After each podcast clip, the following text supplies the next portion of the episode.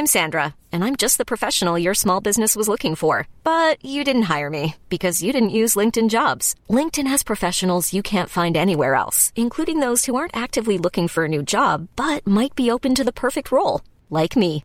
In a given month, over 70% of LinkedIn users don't visit other leading job sites. So if you're not looking on LinkedIn, you'll miss out on great candidates like Sandra. Start hiring professionals like a professional. Post your free job on linkedin.com/achieve today.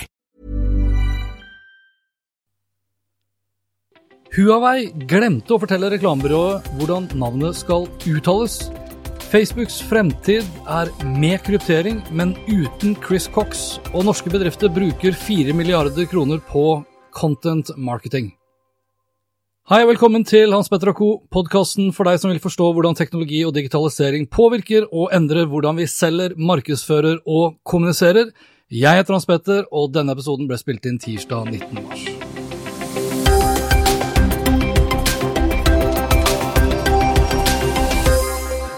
Før vi kommer i gang med dagens episode, så vil jeg tipse deg om mitt nyhetsbrev. Ønsker du å forsikre deg om at du får med deg alt av artikler jeg har skrevet, YouTube-videoer jeg har laget og podkastepisoder jeg har produsert, så bør du abonnere på nyhetsbrevet mitt. Det går ut hver mandag morgen og inneholder alt fra uken som gikk. Så gå inn på hanspetter.info slash nyhetsbrev og legg igjen e-postadressen din nå. I dag er vi ute i Oslo for å høre om folk klarer å uttale Huawei. Er det noen som kan uttale Huawei? Hvordan vil du uttale dette navnet? Huawei. Huawei? Huawei. Huawei. Huawei. Huawei. Huawei. Eh, Hvis jeg skal tenke sånn kinesisk, så jeg tenker sånn Huawei eller et eller annet sånn eh, Hvordan er det man egentlig uttaler navnet på verdens nest største mobilprodusent? Et Google-søk på 'hvordan uttale Huawei' førte meg til den videoen vi nettopp hørte, til Huawei Norge, eller Huawei Norge, som farta rundt i Oslo sentrum for å høre om Kari og Ola Normann visste hvordan navnet deres uttales. For i mange år så har medier faktisk skrevet artikler om hvordan selskapet skal uttales, og riktig uttale er Huawei. Men når samme selskap igangsetter en storstilt reklamekampanje i anledning av lanseringen av deres neste flaggskip, P30-serien, vel, da glemmer Huawei åpenbart å informere reklamebyrået om hvordan selskapsnavnet skal uttales riktig. Wow. Snart lanseres Huawei P30-serien. Gjør deg klar.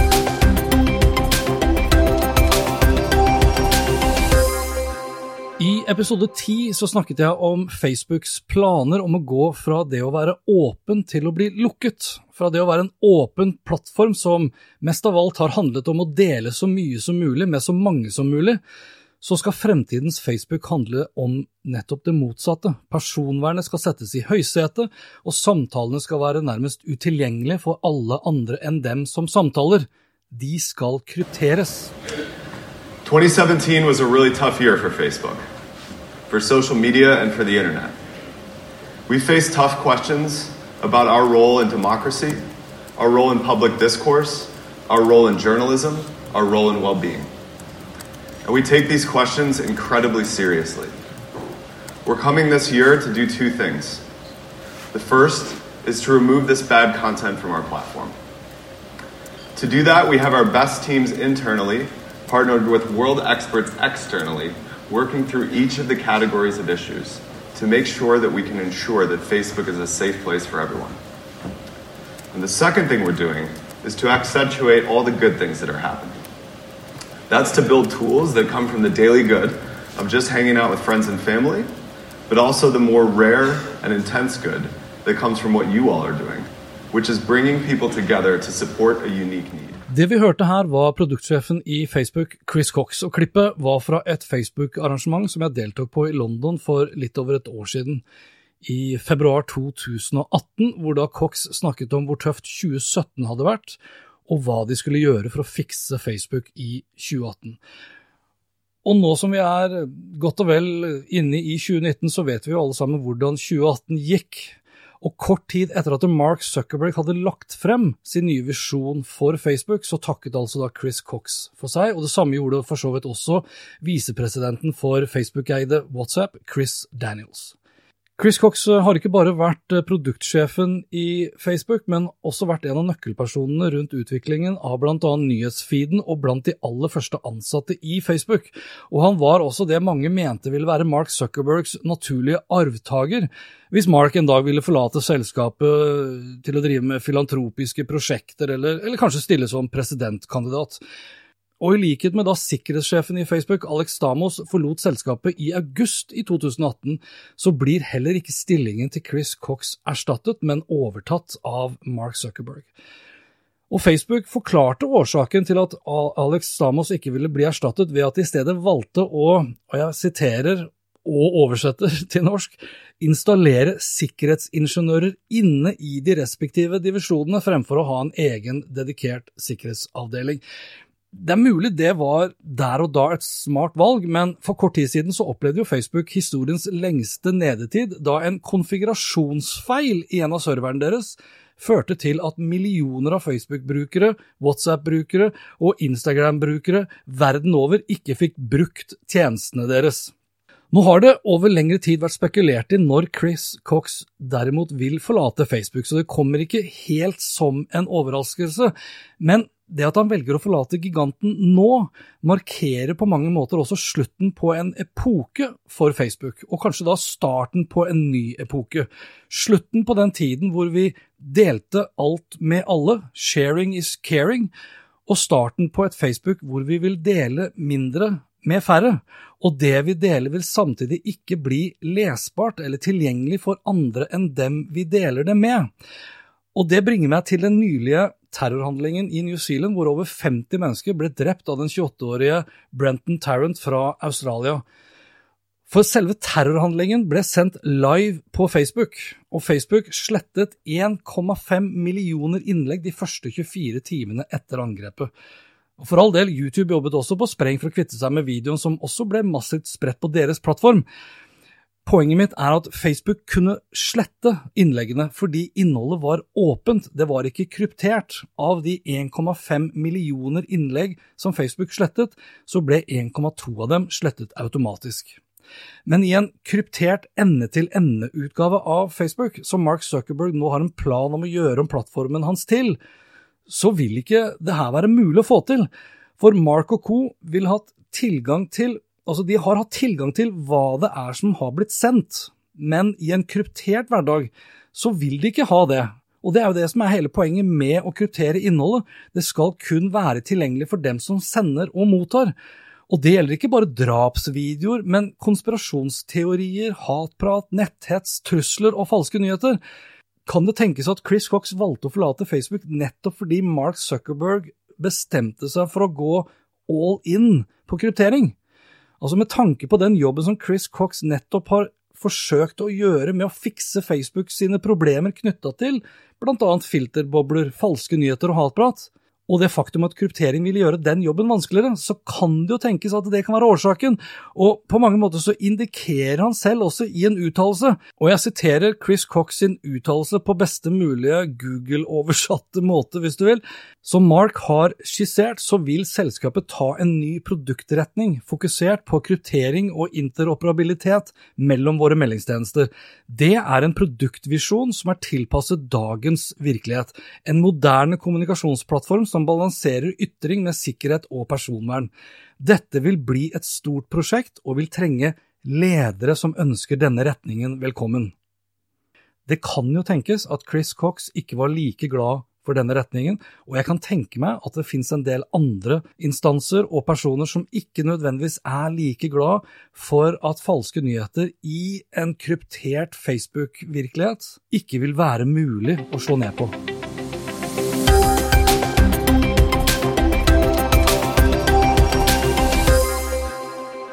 I episode 11 så spurte jeg lederen i eh, den norske annonsørforeningen Anfo, Jan Morten Drange, om han visste hvor stort content marketing-markedet har blitt i Norge, altså innholdsmarkedsføring, og svaret får du her og nå. For i en ny, stor undersøkelse så kommer det frem at innholdsmarkedsføring er i ferd med å bli like stort som TV-markedet. Markedet anslås å ligge på 4 milliarder kroner, og i de 4 milliardene så ligger både innholdsproduksjon og distribusjon.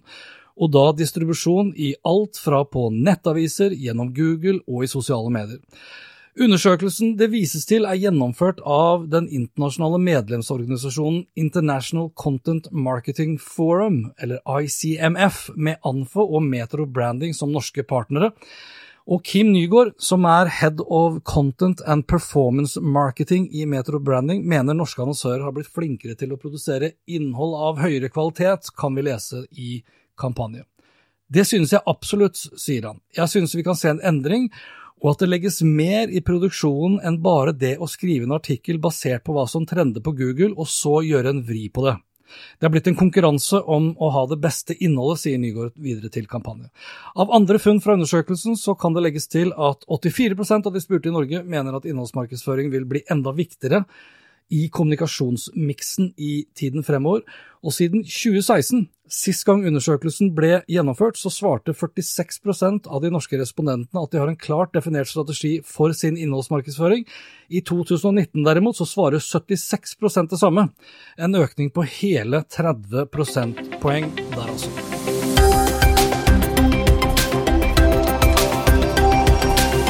Jeg har lyst til å runde av denne episoden med en aldri så liten gladsak. En virkelig god kundeopplevelse. En kundeopplevelse som fortjener faktisk en oppmerksomhet. Og kall det hva du vil, en skamløs reklame, rett og slett. Og det for noe så forhatt som det det er å leie en bil. I løpet av de siste årene så skal det sies at det å leie selve bilen har blitt en mye bedre brukeropplevelse. Og det takket være internett og onlinebetaling. Muligheten til å booke bilen der og da, betale den der og da. Men derifra til det å plukke opp den der forbanna bilen etter at du har landa, ofte forsinka, og gjerne med grinte unger på slep og bagasje som enten aldri dukker opp, eller dukker opp kanskje da aller, aller, aller sist på bagasjebåndet, ja, det har vært preget av lange køer, papirmøller og et sånt analogt lite helvete, hvis du vil. Derfor vil jeg takke høyere makter for Avis Preferred. Og før du spør, nei, jeg har ikke fått en krone for å nevne Avis her.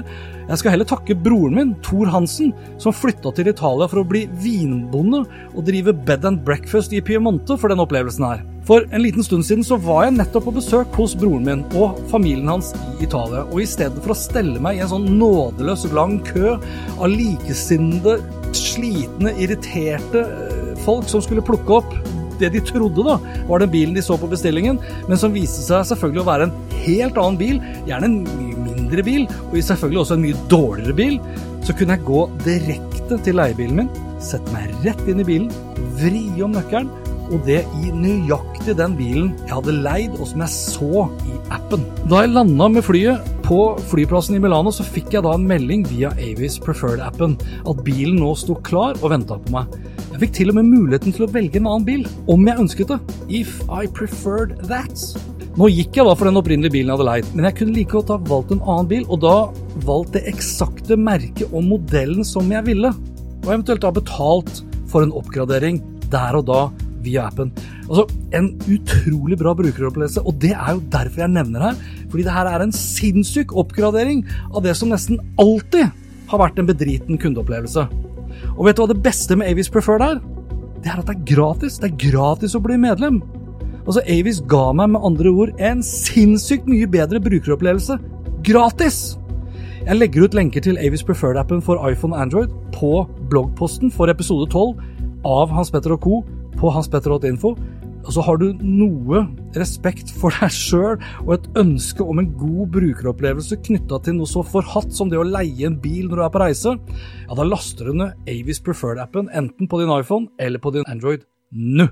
Og det var det for dagens episode. Likte du det du hørte og vil forsikre deg om at du får med deg de neste episodene, vel, da kan du bl.a. abonnere på Hans Petter og Co. på Apple Podcaster. Der kan du også legge inn en liten rating, noen stjerner, til og med en kommentar. Utover det så er podkasten selvfølgelig også tilgjengelig på det som kryper og går av andre populære podkast-apper som Spotify, Google Podcast, Overcast og TuneIn Radio, for å nevne noen. Inntil da, vær nysgjerrig, for det er den beste måten å møte vår digitale fremtid på. You book a well earned break and you can't wait. But the wait seems to take an age. Then you can't stop the airport taking your time. And baggage claim claiming more. And when you finally reach the car hire queue, you can't wait to be through. But still, you have no choice. Or do you? You do. Because we try harder. Because we say you've waited long enough. Queues? Don't join them, beat them. Grab our new app and find a faster route. A route where you get to choose your car or even upgrade. One with less waiting and no paperwork. Because no one takes a selfie in the car hire queue, especially not you. With our free app, you're free. Already gone. The wait is over and holiday has begun. Just tap and go. Witness history at Roland Garros, where old rivalries meet new talent on the clay battleground. Tennis Channel Plus is your place to watch. Stream every court from your phone or smart TV live in HD. Experience three weeks of unparalleled access as the world's top players in tennis face off to see if the veterans maintain their dominance or if a fresh face rises to challenge them. Daily live coverage of the French Open begins Monday, May 20th. Stream it now with Tennis Channel Plus to be there when it happens. My business used to be weighed down by the complexities of in person payments. Then, Tap to Pay on iPhone and Stripe came along and changed everything. With Tap to Pay on iPhone and Stripe, I streamlined my payment process effortlessly. Now I can accept in person, contactless payments right from my iPhone. No extra hardware required. What's truly remarkable is how I can cater to all of my customers' payment preferences. Whether they're using cards, Apple Pay, or other digital wallets, Tap to Pay on iPhone and Stripe ensure a smooth checkout experience every time. And it's not just me. Stripe helps businesses of all sizes, from local markets to global retailers, scale quickly and stay agile. To learn how Tap to Pay on iPhone and Stripe can help grow your revenue and reach, visit stripe.com slash tap iPhone.